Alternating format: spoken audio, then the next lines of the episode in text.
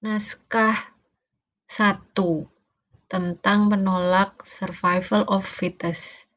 Petikan dari pidato Muhammad Hatta tentang tanggung jawab moral kaum inteligensia pada Hari Alumni pertama Universitas Indonesia pada tanggal 11 Juli 1957. Manusia sekarang adalah bibit bagi masa datang.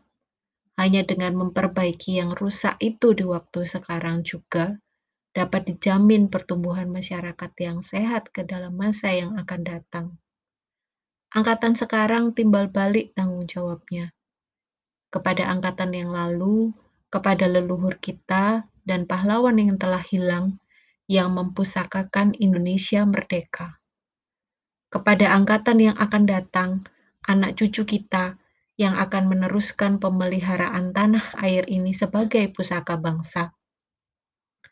Kewajiban manusia Indonesia angkatan sekaranglah untuk menyerahkan tanah pusaka bangsa ini kepada angkatan yang akan datang dalam keadaan yang lebih baik dari yang diterimanya sebagai peninggalan angkatan yang lalu. Masyarakat sekarang dan akan datang berkembang ke jurusan apa yang orang katakan managerial society Zaman liberalisme dengan semboyan laissez-faire-nya sudah lewat.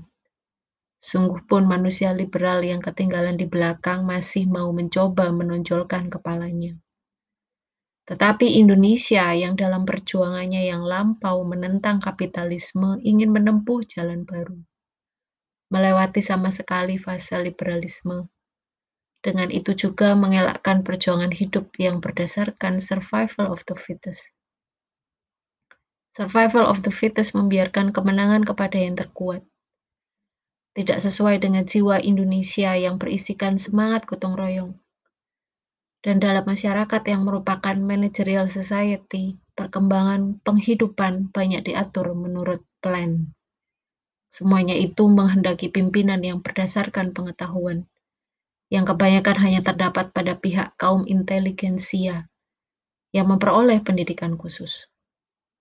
Oleh karena itu, pertanggungjawaban kaum inteligensia Indonesia dalam hidup kemasyarakatan di masa datang akan bertambah besar.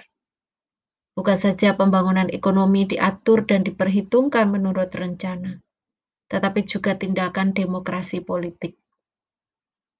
Ini menghendaki adanya pimpinan politik yang berjiwa besar dan bermoral tinggi.